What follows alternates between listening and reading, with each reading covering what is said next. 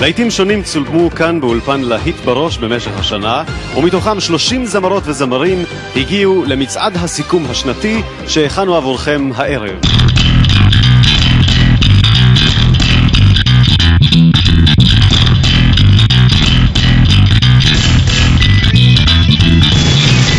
The before started. Then on the page, too sincere, clearly regret, backward, wait, naive, anachronistic. Maybe that'll be the point. Maybe that's why need the next real level. Real level, as far as I can see, with disapproval. בוקר טוב, צהריים טובים, אחר צהריים טובים, ערב טוב, לילה טוב, ולפנות בוקר נהדר לכם. אתם מאזינים למשדר רשת, לי קוראים ארז. משדר רשת, פודקאסט בענייני השעה, שזה מה שמעניין אותי בשעה שבה אני מדבר. אה, הסתיימה השנה, שנת 2018 כמדומני, אלא אם כן מישהו עבד עליי. וכמו כל שנה, כולם אה, אצים רצים להם לסיכומי שנה, ואני, כמו כל שנה, וזה כבר אה, פעם שנייה מאז תחילת משדרשת, שאני חוצה את קו הראשון בינואר, ובכל פעם אני ככה חגיגית מטר... מודיע ומתריע וזה, שאני לא עושה סיכומים ואני לא עושה סיכומים. וסך הכל אני מאוד אוהב סיכומים. אני צריך להודות, כן? אה, אין, אין לי שום דבר אישי נגד סיכומים. סיכומים, זאת אומרת, יש לי, יש לי אולי כמה דברים אישיים נגד הקונספט של לעשות סיכום ב-31 לדצמבר, הלוואי. סיכומי השנה התחיל, מתחילים כבר בתחילה, בראשון לדצמבר, אם לא ב, בסוף נובמבר, כי כולם רוצים לסכם את השנה ולרוץ לחופשות של ה Christmas, או מה שהם לא עושים שם, הגויים. אבל אני אישית די נהנה מה, מהקונספט הזה של סיכומים, וזה אחד הדברים שאני כן, כן ארצה לדבר עליהם במשטר הזה. במהלך השנה אני אוסף הרבה, שומע הרבה מוזיקה, פוגש הרבה זמרים, נהנה מהרבה מוזיקה חדשה וישנה. אבל איך אומרים, אני רק בן אדם אחד, אני לא מסוגל הכל לעשות לבד. ולא כל שיר שאני שומע הוא uh, מיד אוטומטית אני, uh, וכל דיסק שאני שומע וכל זה. וסיכומי שנה זה בהחלט הזדמנות קצת ככה לעבור על כל מה שפספסתי וכל מה שלא uh, יצא לי לשמוע, ואולי להגיד, אוקיי, רגע, אם הדיסק הזה שאני בזמנו לא כל כך החזקתי ממנו, פתאום הוא הגיע ככה יפה, אז אולי כן שווה לתת לו הזדמנות שנייה ושלישית.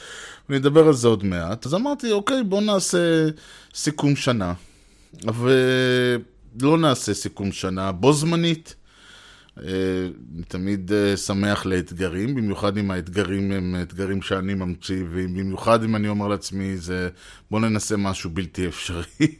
אז בוא ננסה לסכם את השנה בלי לסכם את השנה, ונעשה את זה אה, על פי הקטגוריות הבאות, אלבום השנה, תגלית השנה, שיר השנה, ואם יישאר זמן, אז גם uh, הטרנד, הטרנדים של, הש... הטרנד הלוהט של השנה. איזה ערוץ האופנה אני. Uh, אז נתחיל דווקא באלבום השנה. אלבום השנה שלי הוא דם של קנדריק למר. וכן, אני יודע שדם של קנדריק למר יצא ב-2017, זאת כל הפואנטה. הפואנטה שלי היא שדבר ראשון, לא יצא שום דבר ב-2018, זה נשמע קצת קיטורי, אבל לא, זה לא הפואנטה. לא יצא שום דבר ב-2018 שהוא יותר טוב בעיניי, יותר אלבום השנה מדם של קנדריק למר.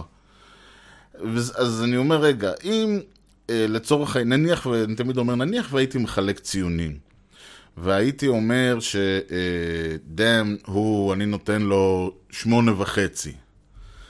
וכל האלבומים שיצאו ב-2018, אף אחד מהם לא עבר את השמונה. האם אני בכל זאת צריך לבוא ולהכריז על מין זנב לשועלים כזה, ראש לשועלים כזה, ולהגיד, טוב, האלבום הזה והזה הוא אלבום השנה שלי, למרות שהוא לא האלבום הכי טוב שיצא מאז אה, האלבום השנה הקודם. וזו שאלה כי זה בדיוק הסיבה שאני שונא סיכומי שנה, כלומר, מה מיוחד בשנת 2018? אם אלבום יצא בשנת 2017, בדצמבר 2017, הוא לא יכול להיחשב ל... או אפילו בנובמבר או אפילו בספטמבר. אז, אז השנה שלו רק מתחילה בספטמבר, אולי שווה להגיד זה עד ספטמבר 2018, זה עדיין האלבום השנה. מספטמבר 2018 מה שיצא זה כבר, הוא כבר לא בתחרות, הוא כבר לא יכול להיספר.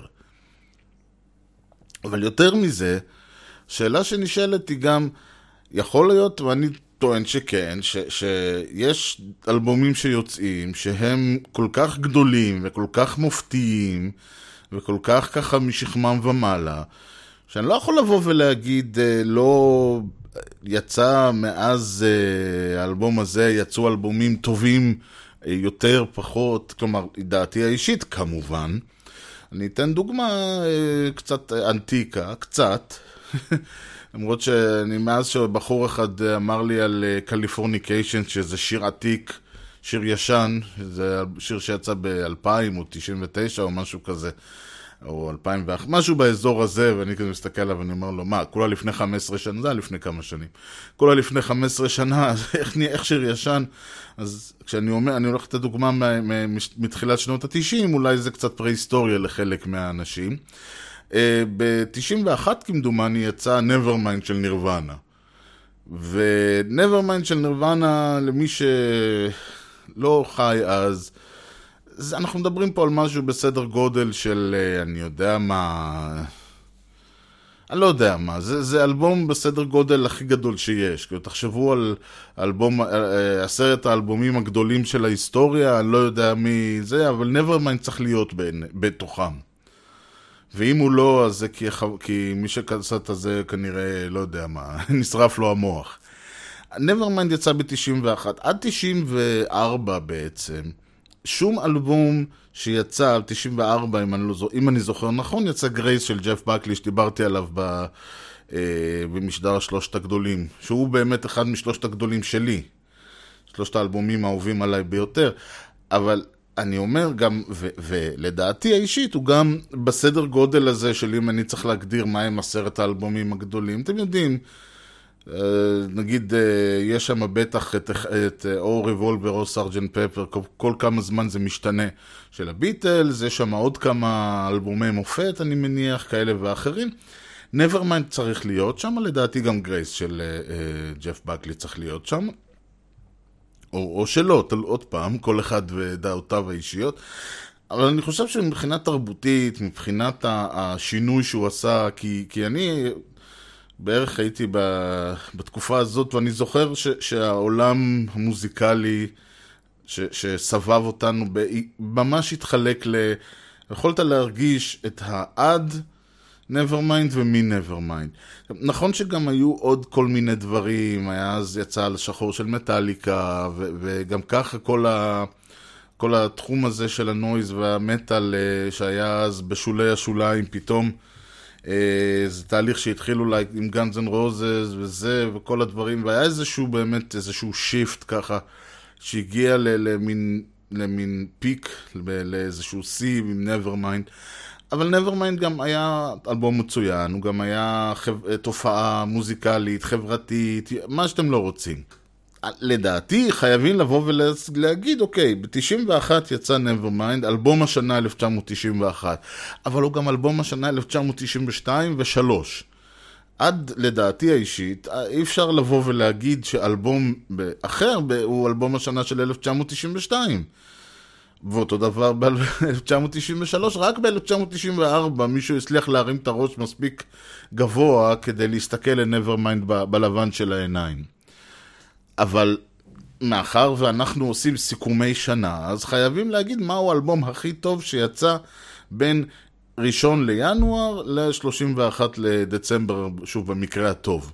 אני חושב שכן אפשר, אני חושב שאפשר לעשות, uh, לצורך העניין, להגיד, שמעו, היו, במקום השני, זה אלבום uh, לא יודע איזה, כל אחד ומה שהוא יבחר, אבל הוא רק במקום השני, כי, כי האלבום הכי טוב שיצא השנה, בכלל לא יצא השנה, יצא שנה שעברה. אני חושב שאפשר להגיד את זה. ואני אגיד עוד יותר מזה, זה גם מלמד באמת על כמה הדם של קנדריק למר הוא טוב. ואני חושב שזה עוד יותר מלמד, אה, לדעתי, כמו שאמרתי, הייתי נותן לו שמונה וחצי. למה הייתי נותן לו שמונה וחצי ולא תשע או תשע וחצי? מכיוון שאם אני כבר צריך להסתכל על, על, על היצירה של קנדריק למר, אז מן, מן הסתם מבחינתי, דאם הוא לא האלבום הכי טוב של קנדריק למר, עם כל זה שהוא אלבום השנה שלי 2018. וזה קצת מצחיק, אז אולי בכלל אי אפשר להגיד שום דבר על אלבום השנה 2018, כי האלבום שאני הכי אה, חושב שהוא... אה, קודם כל, אני לא יודע איזה מהם, אני תמיד, אה, יש לי מין ויכוח פנימי שכזה, אבל שני האלבומים הקודמים שלו, Good Kid Mad City ו-To Pimp a Butterfly, הם בעיניי הרבה יותר טובים מדן, ואם לה, לא הייתי נותן שמונה וחצי, הם כבר באזור התשע וחצי פלוס, אם הייתי מחלק ציונים ואני לא. זה הכל אה, במובן ההיפותטי, כן? יכול מאוד להגיד מישהו, תשמע, עם כל הכבוד, אלה אלבומים של שבע. אז אני אומר, בסדר, אז הוא אלבום של שש, אה, ו... שש ואף אלבום ב-2018 לא הגיע לש... מעל חמש וחצי. אז זה לא הפואנטה. הפואנטה היא לא מה הציון שאני נותן לאלבומים האלה, אלא העובדה ש... שעל פי סולם הערכים הפנימי שלי, ה- ה- שני האלבומים האלה, ואין לי כל כך מושג מה יותר, אני יותר אה, אוהב אולי את, ה, אה, את הנרטיב של טופים בבאדרפליי, וקצת יותר את העולם המוזיקלי שלו. אני חושב שכאלבום קונספט, דווקא Kid Mad City יותר, יותר טוב, ואני חושב שקנרי קצת יותר אה, עשה, ש, שהוא דווקא אני יותר, פחות מתחבר למסר הלא, הלאומי שלו ויותר למסר האישי שלו. אז זה מין סוג של אה, נדנדה כזאת בין שניהם. הייתי, קשה לי להחליט מי משניהם הוא, גולת הכותרת של היצירה שלו.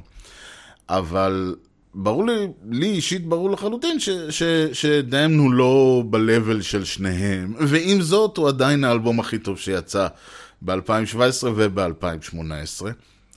ו- וזה אגב מסביר למה אני לא סובל אה, סיכומי שנה, כי, כי החלוקה הבאמת שרירותית הזאת, ל- ל- אנחנו סופרים כל מה שנכנס פה ופה, וזה לא משנה שבאמת, אם שוב פעם נחזור ל-1992, כל 1992 אה, בעצם היה, זאת אומרת, הפיצוץ של 1991 שהיה, של Nevermind ונירוונה, אז, אז המשיך להדהד לתוך 1992 ובעצם התחיל לדעוך במרכאות רק לקראת 1993.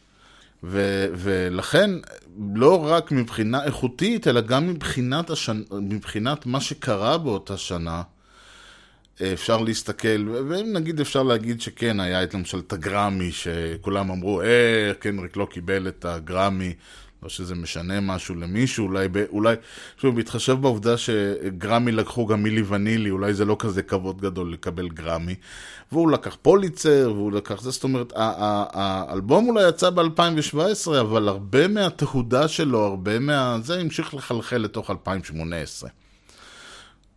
כל הדברים, זה, אפשר להתווכח על זה לכאן או לכאן, זה לא כזה חשוב. אבל בכל מקרה, זהו אכן אלבום השנה, ונעבור עכשיו במעבר חד לשיר השנה 2018, ושיר השנה של 2018 הוא דווקא יצא ב-2018. אני אה, אה, אקדים ואומר מהו, כדי שלא תהיו במתח, ואז אני אסביר גם למה הוא השיר השנה שלי, ו... ואולי אה, אה, קצת אהרוס את ההתלהבות. שיר השנה שלי הוא This is America של צ'יילדיש גמבינו, שלא סגור מה השם האמיתי שלו, אבל אה, אני הבנתי שהוא גם שחקן, אז אה, וכולם מכירים אותו גם וגם, אז שיבושם לכם. ולמה הוא שיר השנה שלי? או, שאלה מצוינת שאלתי, ואני שואל ואני עונה, כמו שאומרים. אה, אז כמו ש...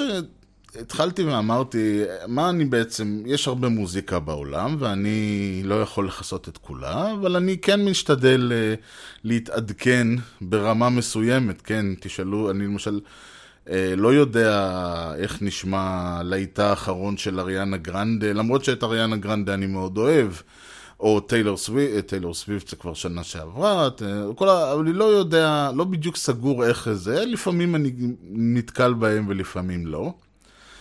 כי אני מנוי על כל מיני בלוגים, שיותר אה, מהצד האינדי, יותר הצד האלטרנטיבי, בסדר, אבל כן, מנוי על כל מיני בלוגים ועל כל מיני פודקאסטים ועל כל מיני דברים.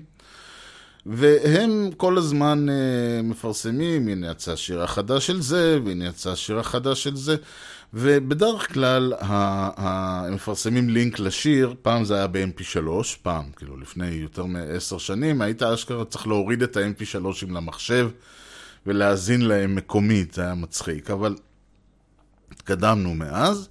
ובדרך כלל הלינקים הם או ל SoundCloud, או ל Bandcamp, או אה, לכל מיני Spotify וכאלה, שאת זה אני לא שומע, Apple Music וכל זה, או אה, ליוטיוב. וגם כן, יוטיוב לפעמים זה, זה רק, זה אודיו, ולפעמים זה וידאו, וידאו קליפ מלא, מה שנקרא. עכשיו, אני לא, אה, אם הוידאו קליפ הוא אכן וידאו קליפ או לא, אני מבחינתי זה רדיו, זאת אומרת, אני לא שומע את השיר, אה, אני לא אעצור את, אה, את כל מה שיש לי ואלך ואסתכל על, על הוידאו רק בגלל שזה וידאו. אני, באותה מידה אני לא אשב ואסתכל על, על זה של ה SoundCloud אה, נוסע רק בגלל שיש שם איזה אלמנט ויזואלי. מבחינתי, יוטיוב, SoundCloud, הכל אותו דבר. ואז באו ופרסמו, אמרו, יש שיר חדש לצ'יילדיש גמבינו. אמרתי, אוקיי, אני שמעתי, אני מכיר צ'יילדיש גמבינו, לא זוכר שום דבר שלו, אז אמרתי, בואו בוא נאזין. טוב, התחילו הביטים, ו- ומה אני אגיד לכם? אכן ביטים מושקעים מאוד, רואים שיש לאיש כסף. לא נפלתי, אה, אבל בסדר, לא חייב ליפול, אתם יודעים, אה, ש... זה, זה, זה לא בהכרח שה... ה- אני לא... שהביט... אתם ביטים לא חייבים להיות איזשהו אה, סימפוניה בלתי גמורה של וגנר או משהו כזה. שווגנר לא כתב סימפוניות והבלתי גמורה זה שוברט, לא משנה. הרעיון פה הוא ש... ביטים יכולים להיות מאוד מושקעים, מאוד, אה, אה, וכמו שאמרתי, רואים שיש לו כסף, ובכל זאת אה, לא יהיו כאלה ש, שאני אפול מהם. מצד שני, הם יכולים להיות מאוד lo-fi אה, ומאוד רואים שעשיתי בבית עם איזה, עם איזה תוכנה, ובכל זאת להיות מרשימים. זה, זה שוב, זה הכל אה, שאלה של מי, ה, מי היוצר וכמה הוא משקיע וכל הדברים האלה. אני באמת לא יודע מי ה... לא, לא יודע, לא מי המפיק ולא מי עשה את, ה, את הפלייבק ומי עשה את הביטים ומי עשה את כל זה, זה לא רלוונטי. בואו רק נאמר שהבנתי מיד שני דברים, אחד שמדובר באומן מצליח, או לפחות מפורסם, מספיק אה, בשביל ש... או שיש לו כסף לממן אה, מפיק מה, מהשורה הראשונה, או שהחברת תקליטים יכול... אה, הוא מספיק מפורסם ומצליח שהחברת תקליטים שלו תממן לו את זה. אבל כמו שאמרנו, לא מדובר באיזה משהו בסדר גודל של, אה, אני יודע, קניה ווסט או משהו כזה. מדובר במשהו סולידי ויפה, סבבה. לא... לא על זה יקום ויפול שיר. כלומר, אם שר השיר, יכול להיות ששר השיר הוא הכל סבבה, ואז באמת אני אגיד, טוב, לא מושלם, כי הביטים לא בשמיים, לא משנה. התחילו הביטים, כמו שאמרתי, לא נפלתי, אבל בסדר. ממשיכים הלאה, נכנס ה-voice. לא משהו גם כן, ואז נכנס הראפ. ופה בדיוק, ופה אמרתי, אוקיי, אני חושב שאני הבנתי את הפואנטה. יש משהו, ואני לא יודע מה, וזה אולי הזמן ככה לפתוח את הנושא הזה בינינו. משהו קרה בראפ בשנים האחרונות. אני לא יודע בדיוק לשים את האצבע מתי, כי אני לא כזה היסטוריון של מוזיקה או משהו. אבל קרה משהו בראפ, לא בכל הראפ, אתם יודעים, עדיין... נגיד, ו- ויש תקופות, באמת, יש תקופות ב- ב- בעולם המוזיקה ובעולם ההיפ-הופ בכלל וכל זה, ודברים, יש אופנות. תמיד מדברים על זה שעד אה, אה, תחילת ה nineties, הראפרים התחרו כל אחד בשני, מי יכול לדחוף יותר מילים ויותר משחקי לשון וכל מיני אה, כאלה, ו- וניסו כל אחד להיות יותר, אה, להשוויץ יותר בטכניקה ובזה, ואז בא סנופ דוג, ובכלל הלך לכיוון ה... ה laid back, ופתאום הבינו שאפשר בכלל לעשות ראפ כזה איטי, ובסדר. ו... ושני הדברים האלה, אתם יודעים, יש כאלה שהם באמת יותר טכניים, ויש כאלה שהם יותר כאלה, ויש יש להם יותר קצב, ו- ויש אה, אנשים שהם יותר old school ו new school, ו whatever זה אומר, ו- וכל אחד באמת, ויש כאלה ש- שזה יותר קרוב לדיבור, ויש כאלה שזה יותר קרוב למוזיקה, ויש את המעצבנים האלה ש... שמתעקשים לעטר את הראפ שלהם עם איזה, עם איזה מלודיה משעממת, כמו נייט דוג ודומיו וחקייניו. שאף פעם לא הבנתי את הפואנטה מאחורי זה, כי אתה לא, בסופו של דבר אתה יוצא לא זמר ולא רפר. זה לא, אין, אין גם וגם. ו, ובאמת, וכל אחד מכיוונו, ויש באמת אושר מאוד מאוד גדול לכל אחד שאוהב, יש כאלה שהם יותר, הטקסטים שלהם יותר מורכבים, ויש כאלה שהטקסטים שלהם יותר... הכל טוב ויפה, פתאום צץ לו איזה משהו. לא יודע באמת מה זה, אין לי מושג אפילו מה, לא מצאתי שום זכר, אין אף אחד לא מדבר על זה. אולי זה מה שמכנים trap, אולי לא, לא הצלחתי להבין גם, ובאמת אני לא מספיק בקיא בזה, וגם זה לא כזה חשוב. כי סך הכל זה, זה, זה סגנון שלא, שלא מושך אותי, להפך, הוא לא גורם לי לרצות לשמוע ולדעת עליו יותר, הוא גורם לי לרצות לשמוע ולדעת עליו פחות. הקטע הוא שבאמת הרעיון היה פעם שלכל אומן היה את ה flow שלו. ועוד יותר מזה, אם מישהו היה עושה, נשמע כמו מישהו אחר, אז הוא מיד היה מאשים אותו בפלגיאטים וגניבה וזה. עכשיו קרה משהו מוזר באותו תת-ג'אנר של ההיפ-הופ, ופתאום נהיה קטע שכל הרפרים, ש, שכל הרפרים מאותו ז'אנר נשמעים אותו דבר. ולא תגידו נשמעים אותו דבר בקטע טוב, נשמעים אותו דבר בקטע רע.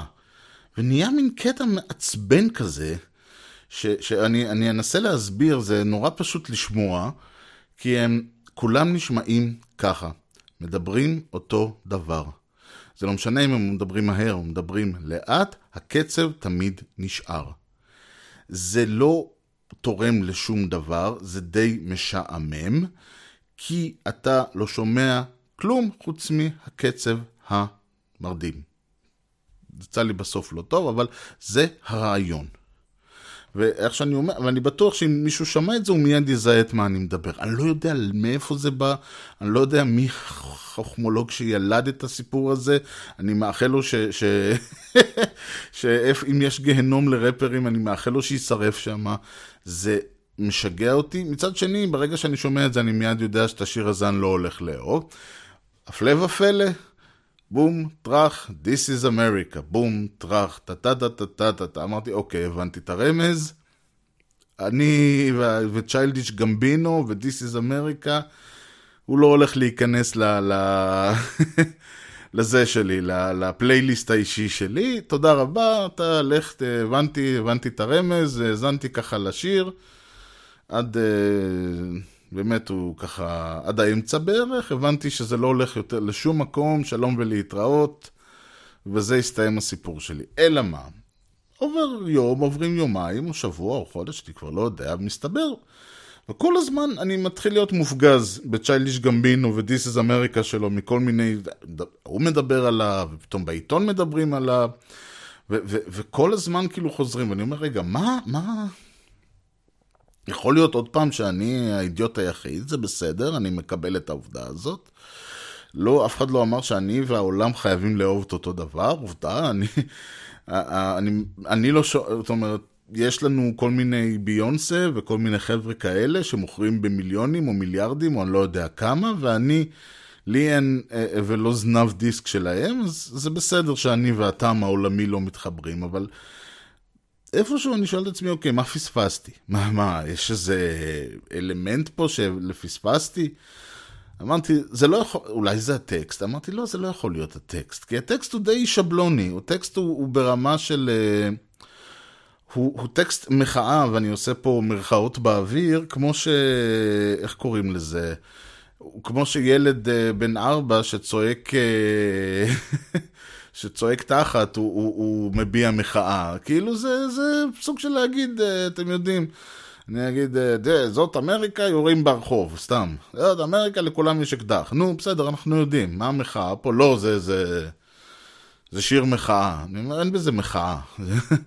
זה, זה פלקטים, זה סיסמאות, אין בזה, אולי זה הרעיון, אולי הרעיון פה הוא לייצר סיסמאות חדשות ל... ל לכל מי שרוצה להפגין, אני לא יודע, אבל זה, אני אמרתי, זה לא יכול להיות המילים.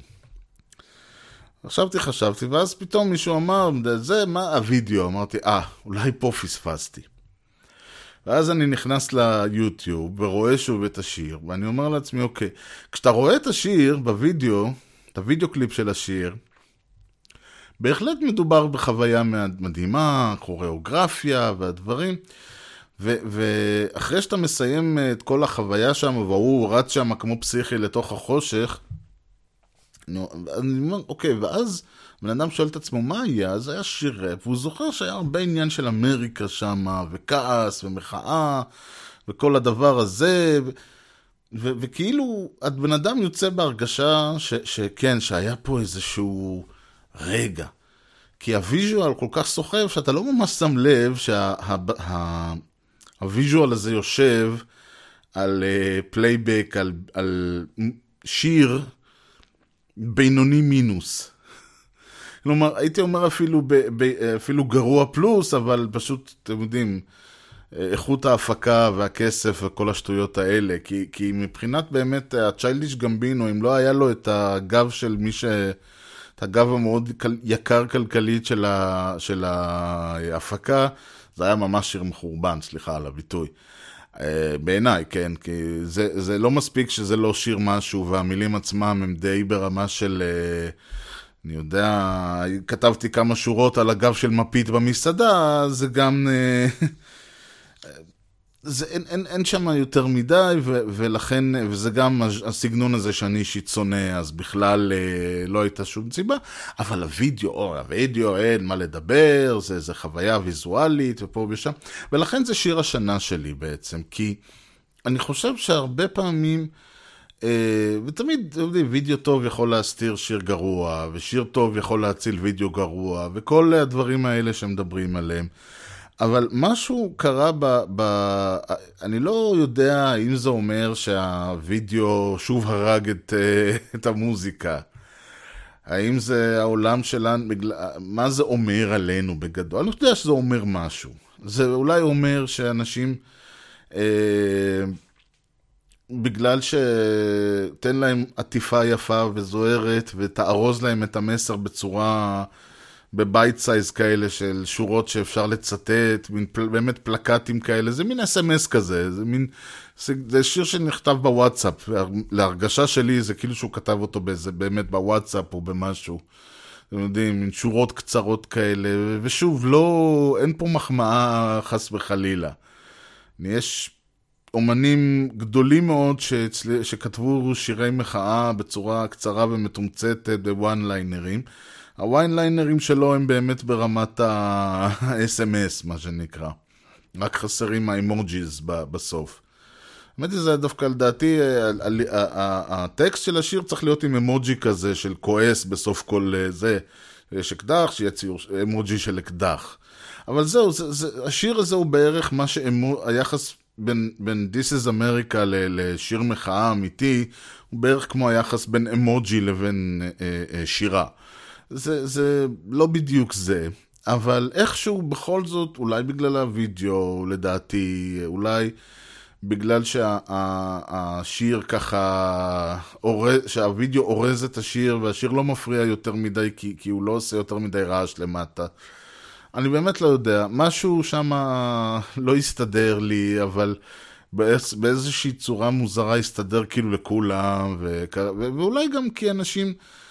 מחפשים משהו להתעלות בו, ואומן אה, שהוא מצד אחד שחקן, ומצד שני רפר בועט, שהוא מצד אחד אה, סלב, כאילו שלא צריך לחיות לזה, ומצד שני לובש דמות של איזה צ'יילדיש גמבינו, שזה אשכרה נשמע כאילו אה, הכניס לאינטרנט, אה, אתם יודעים, יש את כל ה... יש את כל הדברים האלה של What is your Wu-Tang name? What is your Shaolin name כזה, ואז אתה מכניס את השם שלך, ארז שץ, ואומרים לך, אתה Commander Trap X כזה, או משהו, אז זה כנראה הוא עשה את זה, ויצא לו צ'יילדיש גמבינו, והוא החליט ללכת להישאר עם השם. אבל אני אומר, זה, זה אומן, והציניות שאני משדר פה, זה הציניות שאני מרגיש מכיוונו. אני כמובן בטוח שהוא מרגיש שהוא שפך פה את נימי ליבו ועשה את כל הדברים האלה, וזה גם כן אומן, אה, אתם יודעים, מישהו שה... ספק שהפרוטה מצויה בכיסו, ולא צריך, אה, והוא לא זה ש... צריך, אתם יודעים, את, ה, את התמיכה ואת השינויים ב- שארצות הברית תשנה את החוקה ותתחיל לשנות היחס לשחורים ודברים כאלה. אבל בסדר, שיהיה. הוא שם לנו, זה בכל מקרה שיר השנה, אין לי הרבה מה להגיד עליו מעבר לכל מה שכבר אמרתי, ולכן נעבור לתגלית השנה. אתם יודעים, יש בכלל קטע כזה שלפעמים יש לי הרגשה שכל האנשים שעושים פודקאסטים, מה זה מתים? מתים, לי, אומרים להם מחר תלך תקצה מצעד הפזמונים ברדיו, הם רצים. כאילו שלעשות רדיו, זה, זה תעוד... אני גם הייתי שמח לעשות רדיו, אבל לא בקטע של uh, לעשות רדיו כי, כי זהו, עכשיו אתה אומן לגיטימי, אלא דווקא בקטע שפשוט אני... רדיו, אני יודע, אם יתנו לי לשדר ברדיו, אני יודע שיש מאזינים. זה העניין. פה אני צריך uh, לקושש מאזינים, אלוהים יודע איך, כאילו, אני לא יודע איך, כי אם הייתי יודע כבר היו לי, אבל פה אני צריך לקושש מאזינים, ברדיו הם כבר באים בילטין, חלק מהתחנה. תמיד יהיה מישהו שזה. אחרת התחנה לא הייתה קיימת, אם לא היו לה מאזינים. אז uh, זה העניין, אבל לפעמים יש לי הרגשה שפודקסטרים נורא נורא היו שמחים לשדר ברדיו, לא משנה מה. כל פעם שהם זה, הם נוסעים כזה, כעת מצעד הפזמונים. אתה אומר לעצמך, זה החלום, זה כאילו ה vision שלך, שם אתה רוצה להיות. זה, זה מה שאתה חושב עליו, שאתה חושב על רדיו, לא יודע. תגלית השנה, תגלית השנה שלי השנה היא בחורה בשם היילי הנדריקס, כותבים את זה H-A-L-E-Y, שזה היילי כנראה. הטרנד האמריקני המדהים הזה של אה, לכתוב נוח בשבע, גרסה של לכתוב נוח בשבע שגיאות, אה, עד, עדיין מדהימה אותי, שם המשפחה שלה הוא הנדריקס, רק שכותבים את זה לא כמו ג'ימי הנדריקס, אלא אה, K ו-X בסוף. והאלבום נקרא I need to start a garden. אלבום מאוד יפה, מאוד, מאוד אהבתי אותו. הרעיון הוא שלמה אני קורא לו תגלית השנה, לא כי, כי היא תגלית, כי זה אלבום הבכורה שלה, וזה הרעיון של תגלית השנה. יותר מזה, אני מדבר דווקא על הקונספט ש... מה שהתחלתי, התחלתי את המשדר שאמרתי שבעצם ה... אני נעזר בכל סיכומי השנה, בכל הרשימות האלה של... וזה גם דיברתי על רשימות במשדר קודם, אז זה בערך על אותו רעיון. אני נעזר בהם כדי קצת להשלים פערים, כי כמו שאמרתי, א', אני לא יכול לכסות את כל עולם המוזיקה, ו- וגם הבלוגים וגם הפודקאסטים שאני שומע, גם הם לא יכולים לכסות את כל עולם המוזיקה, ולכן... רשימות הסוף שנה האלה עוזרות קצת להשלים חורים, להשלים פערים. עכשיו, הרעיון פה הוא לא שאם אני אפספס איזשהו דיסק, אז זהו, מת העולם. לא, העולם לא ימות, לא קרה שום דבר. אבל סך הכל מוזיקה היא, היא, היא הנאה מבחינתי, וההנאה שלי היא ממוזיקה טובה. ואם יש אלבום טוב, אם יש אומן טוב, שאני, שאני ארז, אהנה ממנו, אז זה קצת פספוס אם אני אפספס אותו. זה, זה יהיה פחות פספוס אם זה אומן שאני לא אוהב, או משהו כזה. אבל, ולכן אני, המטרה פה היא לא לנסות ל, ל, לשמוע את כל המוזיקה בעולם, אלא המטרה היא כן למצוא את האומנים שאתה אוהב. אומנים שיעשו לך טוב על הלב, ונעים בנשמה, ו- ושתוכל לה- ל- להאזין להם, ולתמוך בהם על ידי זה שאתה קונה את הדיסק שלהם, ולא, כאמור, הולך לספוטיפיי, שזה שוד ברישיון. כי האומן, האומן לא רואה ממך שקע, אני, ואני חוזר שוב על, המ, על המנטרה שצריך להזכיר. כבר מבחינת האומן בתכלס עדיף שתורידו את הדיסק שלו פיראטית. כי כסף הוא, משני המקרים כסף הוא לא רואה, פשוט עם הפיראטי יש סיכוי שאחרי זה תלכו ותקנו אותו, בעוד שעם הספוטיפיי אין סיכוי, אף אחד לא הולך וקונה דיסק שהוא שמע בספוטיפיי, חצי מהאנשים משלמים לספוטיפיי, והם לא מוכנים, והם יגידו, אבל אני כבר משלם. והחצי השני פשוט לא יעשו את זה, ולכן אה, אה, אני אישית נגד ספוטיפיי ונגד כל שירותי הסטרימינג והדברים האלה. אם אני אוהב דיסק של מישהו, אני הולך וקונה אותו.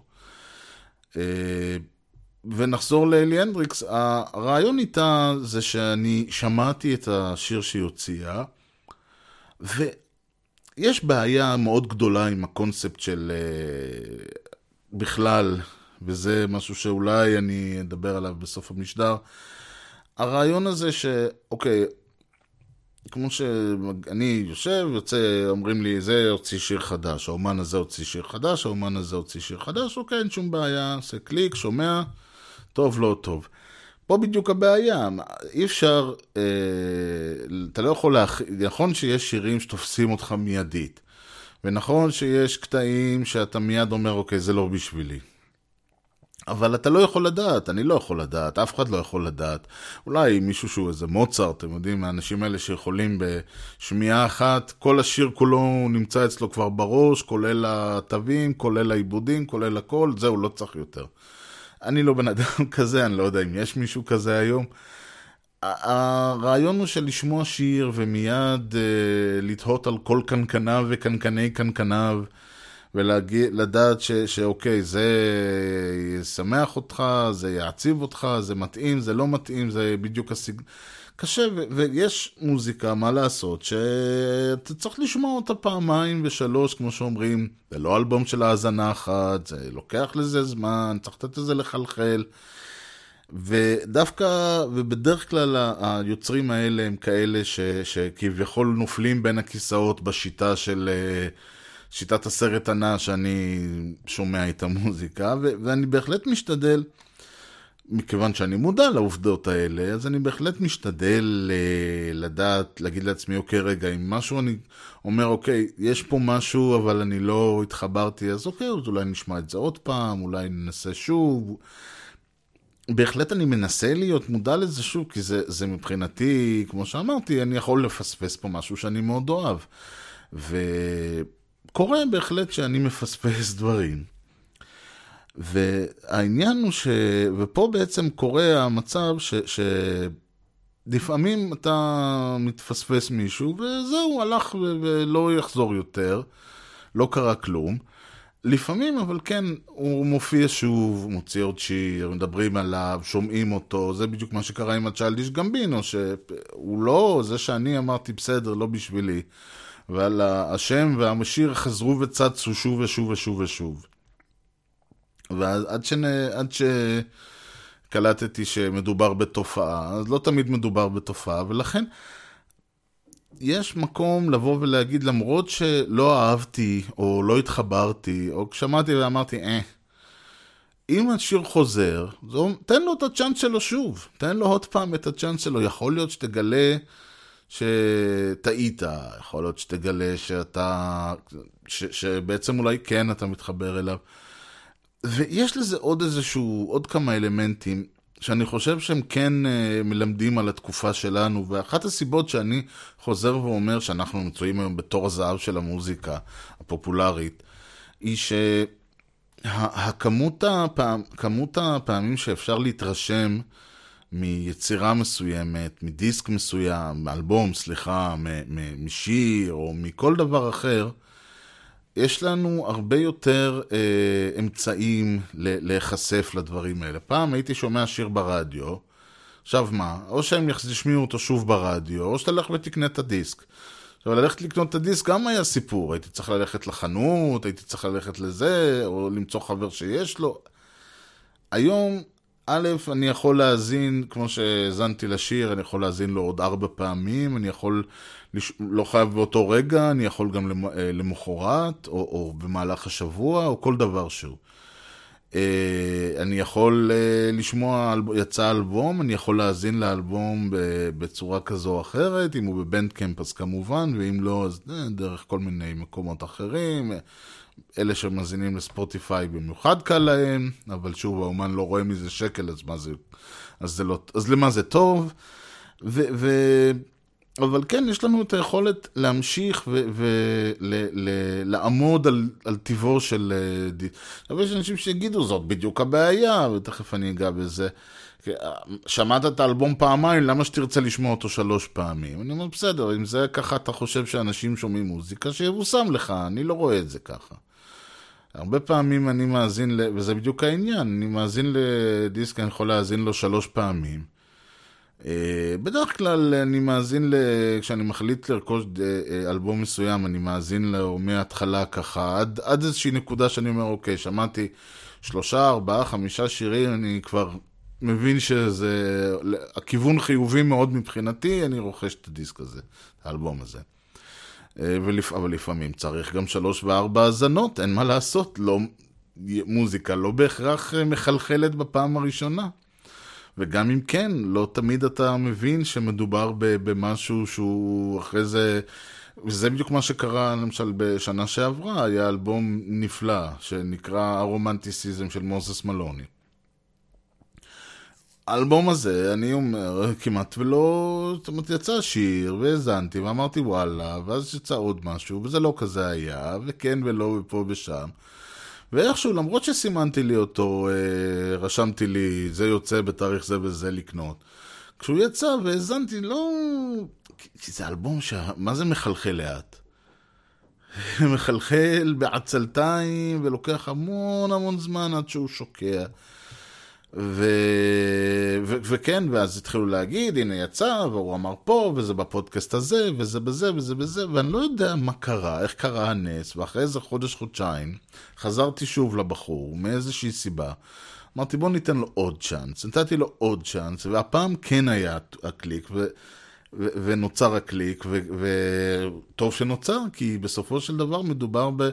אלבום ש, שאני, הייתי צריך לעשות רשימת הסרט אה, הגדולים של 2017, אז אה, הרומנטיסיזם של מוזס סמני בהחלט היה שם. ביותר, כלומר, אלבום נהדר, אני נהנה ממנו עד היום, בכל האזנה שוב ושוב. לבוא ולהגיד, אה, וואלה, כמעט פספסתי אותו, ואיזה באסה, זה היה יכול להיות מאוד משעשע אם הייתי היום קולט uh, בדיליי, אז, ו, וגם הקטע הוא שאתה, שההשקעה שאני, בגלל שההשקעה שאני נאלץ להשקיע, היא בהשוואה לאיך שפעם הייתי צריך לרדוף אחרי uh, דיסקים ודברים ולקנות אותם כזה בלי, כמה כבר אי אפשר היה להאזין להם פעם. אתה, מה, האזנה שאתה עומד עם האוזניות בחנות זה האזנה? זה, אתם יודעים, זה כאילו בשביל ה... להשקיט את המצפון לפני שאתה מוציא את ה... כמה כס, כמה עלו פעם דיסקים? 80 שקל, אני יודע, 70-80 שקל. היום אתה יכול, היום אלבום ממוצע בבנדקאמפ עולה בערך 10 דולר, שזה במטבע של היום בערך סוג של 40 שקל. זה לא כזה, זה לא זול, זה לא יקר, אני לא יודע, כל אחד שוב לפי הגישה שלו. בהחלט שווה את זה, כי ההשקעה היא סבירה מאוד ביחס לכמות ההנאה שיש, ואם נפל, אז גם יש פחות מהמקרים האלה שאתם יודעים, יש איזשהו שיר מדהים, ואז אתה קונה את האלבום ואתה מגלה שכמו הסרטים האלה, שזה, שאתה רואה את הבקרוב, הוא אומר, וואלה, אני חייב לבוא לסרט, ואז אתה בא לסרט ומגלה שכל ה... כל הסצנות הכי, כל ה... מה שהיה בקרוב זה היה כל הסרט. כל השאר הסרט, אסון טבע, היו שם איזה 30 שניות בכל הסרט שהיו טובים, ואת זה הכניסו לה בקרוב. אז יש גם אלבומים כאלה, שאתה שומע שיר, אתה אומר, שמע, זה שיר מדהים, חייב להציג את האלבום הזה, אתה קונה את האלבום, בא הביתה, מגלה שיש לו שיר מדהים וזהו. אה, זה כמעט ולא קורה היום, כי יש לי את היכולת להאזין לכל האלבום ולראות שזה ששיר 17, או שיר 7, או שיר 3, הוא אכן אה, סבבה של שיר, אבל, כל, אבל שיר 1, 2, 5, 6, 7, 8 הם לא שווים רכישה, ואז אולי תקנה את השיר, או רק את ה... או תוותר על כל הסיפור, ואם יבוא לך תשמע את השיר ביוטיוב או משהו כזה. אז אלי הנדריקס היא בהחלט אה, אה, תגלית, התגלית שלי, ואני בטוח שיש, וכבר נרשמו עוד כמה תגליות מאז. ואני מאחל לעצמי אה, ולכל אחד עוד הרבה תגליות כאלה, וגם אם לא מגלים, והאלבום אה, שבתיאוריה היה יכול לשמח ולענות נעלם ו- ו- ונופל בין הכיסאות, זה בסדר, יש עוד המון מוזיקה וזה גם כן חלק מהכיף. אה, לסיכום, הייתי רוצה לגעת, ב, וזה אחד, אם כבר מדברים על סיכומי שנה וכל זה, אז יש תמיד את ה, הטרנד של, טרנד של השנה, הטרנד המוביל של השנה. ואני הייתי רוצה לגעת בו, אה, אם אפשר היה, לצערי אני יכול רק לגעת בו, כי אם היה, הייתי יכול, הייתי מוריד עליו איזה פטיש חמש קילו. וזה אני מתכוון כל ה... כל פעם שאנשים בתקשורת המוזיקלית, בבלוגים, בפודקאסטים, בעיתון, ברדיו, במה שזה או זה, הטרנד שאני מדבר עליו הוא הטרנד שהאנשים האלה מדברים על תופעות או על אה, אה, העולם המוזיקה, לאן הוא הולך, פנינו לאן, תופע... שהם מדברים על טרנדים. אני אומר, אוקיי, זה, זה יפה שאתה מדבר על הטרנדים האלה, אבל תוציא לרגע את הראש מתוך איפה שאתה חי ותסתכל מסביב, ואז אולי נדבר. כי מה הם מדברים, תמיד יש את הקטע הזה שהם אומרים, אה, האלבום מת, אה, השיר מת, אה, הדיסק עלה, זה, כל פעם זה תמיד מישהו, משהו מת להם. אנשים לא מסוגלים להשקיע יותר uh, זמן באלבום. אנשים לא מסוגלים יותר uh, ל... ל... לא יודע מה... אה, אין... העד... אנשים לא... Uh, אין את הקטע הזה שאתה מעריץ איזשהו אומן ואתה uh, עושה זה, כל מיני וריאנטים על, הנושא הזה, ואתה אומר, רגע, למה אתה חושב ככה? אז אני שואל את עצמי בעצם מי אומר את זה? אומר את זה מישהו שבמקרה הטוב אה, מקצועו אה, הוא, הוא לשמוע מוזיקה, לבקר מוזיקה, זה במ- במקרה הפחות טוב זה התחביב שלו. הבן אדם, אה, כל מה שהוא עושה כל היום, הוא מקבל ערמות של אלבומים ודיסקים וקסטות, והוא לא יודע מה הם מקבלים היום, mp3ים ו- וכאלה, והוא מאזין להם אחד אחרי השני, מהר מהר, כי יש דדליין, וצריך לזה, וצריך פה. ו- ואין לו זמן להקדיש לשום דבר, וכשיש לו כבר אה, אלבום שהוא אה, אוהב, הוא שומע אותו בבית או במשהו כזה, אז הוא בדרך כלל שומע אותו בנסיעה בדרך לעבודה, או בדרך מהעבודה. כי בבית אני מניח שיש לו, או שיש לו עוד אלבומים להאזין להם, או שיש לו גם אה, אישה וילדים, או מה שזה לא יהיה, או בעל ו- וילדים, זה לא חשוב. וכל הקטע הזה, אני אומר, אוקיי, וזה עוד, שוב, ונניח שאנחנו מדברים על מישהו שעושה את זה למחייתו, ויש כאלה שעושים את זה כתחביב, זה אותו דבר, רק שהם לא מקבלים על זה כסף.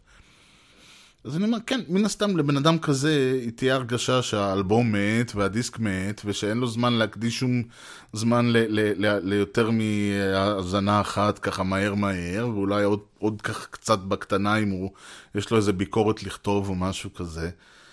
וכל הקטע הזה שזה הגיטרה מתה, הגיטרה חיה, זה מת, זה, הכל שם הם הורגים והורגים כל הזמן דברים. אומר, בסדר, מתי הגיטרה הייתה חיה? כאילו, מה זה, זה לא ש...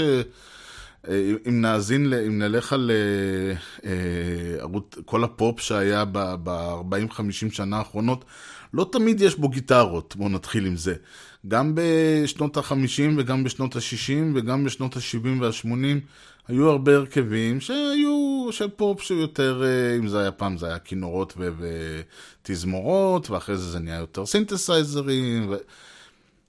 זה משתנה, בדיסקו היה יותר גיטרות, בזה היה פחות, בזה היה רק, אה, ברוק אה, רוק אמצע הדרך זה, זה יותר אה, גיטרות, אבל גיטרות כאלה, אני יודע מה, אולי עדיף שלא היה.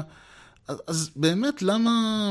וגם כן, וגם כן זה לא אומר שום דבר, כי אם אתה תשמע נגיד פולק, אז שם כולם על גיטרות אקוסטיות. אז מה, הגיטרה האקוסטית מתה או חיה? תלך תשמע מטאל, שם יש המון גיטרות. המון גיטרות במטאל, ויש המון מטאל.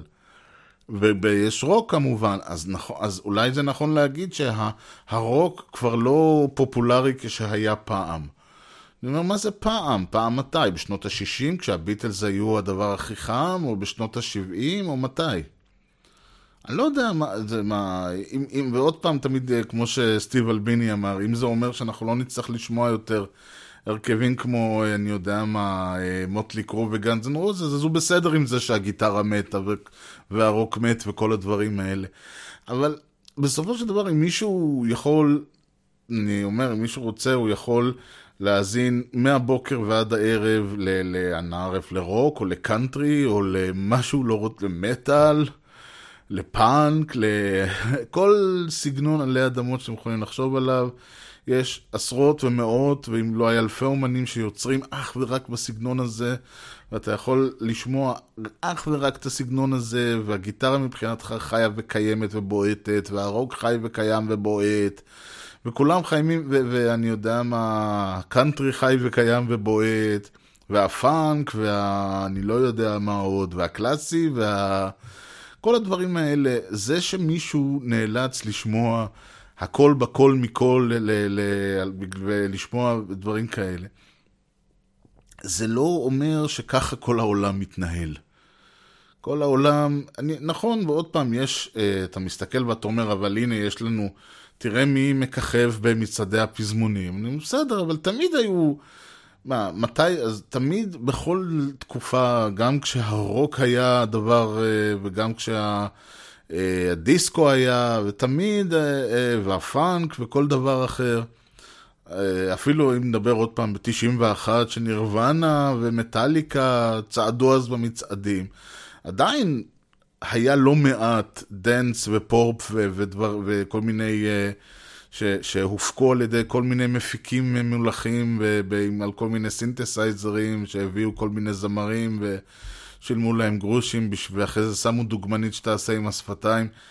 זה תמיד היה, וזה תמיד יהיה, וזה לא סותר את העובדה שכל הז'אנרים, איזה ז'אנר שאתם לא רוצים, יצאו השנה אלבומים חדשים ואלבומים מחודשים של מוזיקה אפריקאית מדהימה, ושל מוזיקה אה, ערבית מדהימה, ושל מוזיקה ישראלית, ושל מוזיקה מכל אמריקה, מהרוק הדרומי ועד הרוק הצפוני, הקאנטרי, ההיפ-הופ, ה-R&B, ה- כל דבר שלא תחשבו עליו, מוזיקה הודית ומוזיקה רוק הודי ואני יודע מה, מטאל כמובן, על כל ז'אנריו ותת ז'אנריו וסאב תת ז'אנריו, כל הזמן זה, ואלבום, ויש אלבומים מדהימים ויש יוצרים מדהימים והכל קיים ונמצא וזה, ורק צריך להושיט היד ולגעת, כמו שנאמר.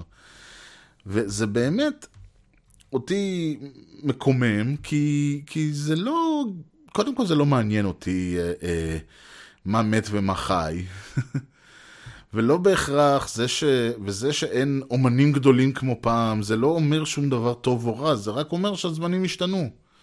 זה שפעם כולם היו, זה שפעם באמת כולם היו קמים בבוקר, היה להיט וכולם שמעו אותו. זה טוב, זה לא טוב, מה זה קשור? זה, זה כמו שאני אגיד, מה, כשהיה... ערוץ אחד, אז כולם, מישהו היה, והייתה תוכנית אה, סיבה למסיבה, אז כל עם ישראל היה רואה אותה. מה זה בסדר? זה טוב? זה תורם משהו לאנושות? זה רק לחשוב על כל האומנים ש, שלא קיבלו חשיפה, כי היה ערוץ אחד ותוכנית אחת ו, ומקום לזמר אחד, ואם שלמה ארצי באותו, באותו זמן הוציא דיסק באותו אלבום באותו שבוע, אז גם, אז גם הספוט הזה בכלל נחסם ונתפס וזה. אז זה בדיוק השאלה, כאילו, מה כל כך היה טוב בדבר הזה שאנחנו צריכים להתגעגע אליו? ולמה לא באמת הרעיון הזה שנכון, אין היום לא, אולי אין אומנים בסדר גודל של אריק איינשטיין או עפרה חזה או דברים כאלה, אבל יש במה להמון המון אומנים, וכל ה... כל פעם שמראים את. כמה עפרה חזה הייתה צריכה לעבוד ולהבקיע ולהפציע ו... ולעשות כדי בכלל להגיע ולהיות עפרה חזה. היום אומן ישראלי לא צריך לעשות את כל הדברים האלה, כי הוא יכול להקליט את האלבום כבר בבא, להוציא, הוא כבר, כשהוא נחשף כבר יש לו ביד את האלבום מוכן. הוא לא צריך לעשות שום, שום התפשרויות כדי להגיע לאן שהוא רוצה להגיע, שזה להיות עם דיסק ביד או כל דבר אחר. אז נכון, אולי החשיפה היא לא, ולא יעשה כסף כמו אה, אריק איינשטיין, לא יודע כמה כסף הוא עשה, או עפרה חזה, או כל דבר אחר, הוא מדבר בארץ. וגם בחו"ל, אולי לא, הם לא יעשו, קודם כל תמיד יש את אלה שמצליחים, והם תמיד מעט מאוד. ואף פעם לא כל האומנים אה, הצליחו, ואף פעם לא כל היוצרים, אלא שפעם כל האומנים שהצליחו היו כל האומנים ש, שהתפרסמו. והיום כל האומנים שמצליחים הם טיפה בים של כל האומנים שיוצרים ומוציאים ומפיצים, ואני חוזר קצת על העניין הזה, כי זה הטרנד שאני רואה. זה הטרנד של השנה, וזה הטרנד של העשור, וזה הטרנד אנחנו ממשיכים uh, לשהות בראש גלי איתו ו- וליהנות מהפירות שלו. וזה הטרנד שאני קורא לו תור הזהב של המוזיקה הפופולרית, שאומר שמה שאתה לא רוצה לשמוע, כמה אומנים שיש, יש, כמות היצירה היא, היא כמעט אינסופית, היא, כול, היא רובה טובה, חלקה טובה מאוד, חלקה מצוינת, חלקה מעולה, אבל, ואיפשהו כל שנה יוצאים באמת אלבומים מדהימים וכיפיים ונהדרים, וזה מבחינתי הטרנד של 2018, וזה גם יהיה הטרנד של 2019. ו- ואלבום יכול למות ולקום לתחייה, והסינגל יכול למות ולקום לתחייה. אני אהיה שמח שהטרנד שה- של 2019 יהיה שאין יותר טרנדים.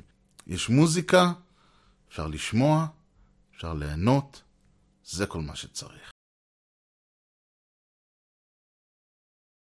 אז זה המשדר שלנו להפעם, משדר רשת, אה, האתר אה, שאני ממשיך לעבוד עליו, כבר קורם עור וגידים, למעשה אני מקווה כבר השבוע לסיים עם הפרונט ולהתחיל קצת לסדר את, ה, את הבק, אה, שהאתר יפסיק לקרוס כל פעם שאני מעלה תמונה או משהו כזה.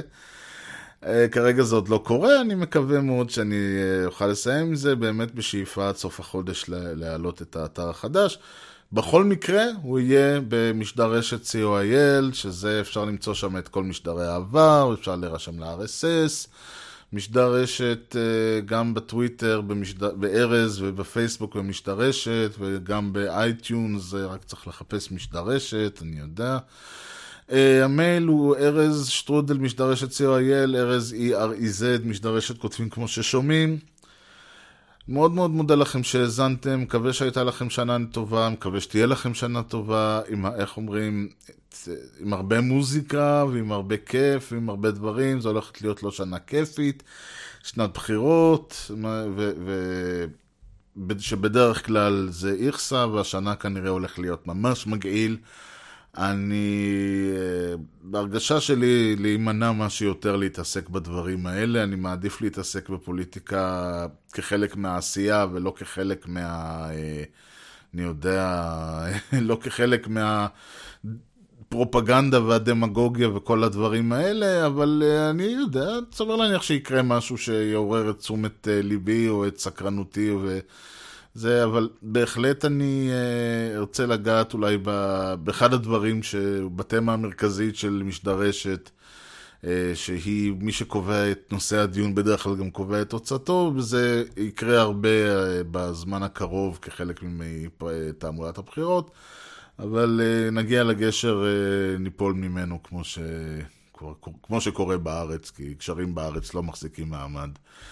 באווירה אופטימית זו אני שוב רוצה להודות לכם על שהאזנתם, נתראה במשדר הבא, משדר רשת, אני הייתי ארז, שיהיה לכם המשך יום נהדר, ולהתראות.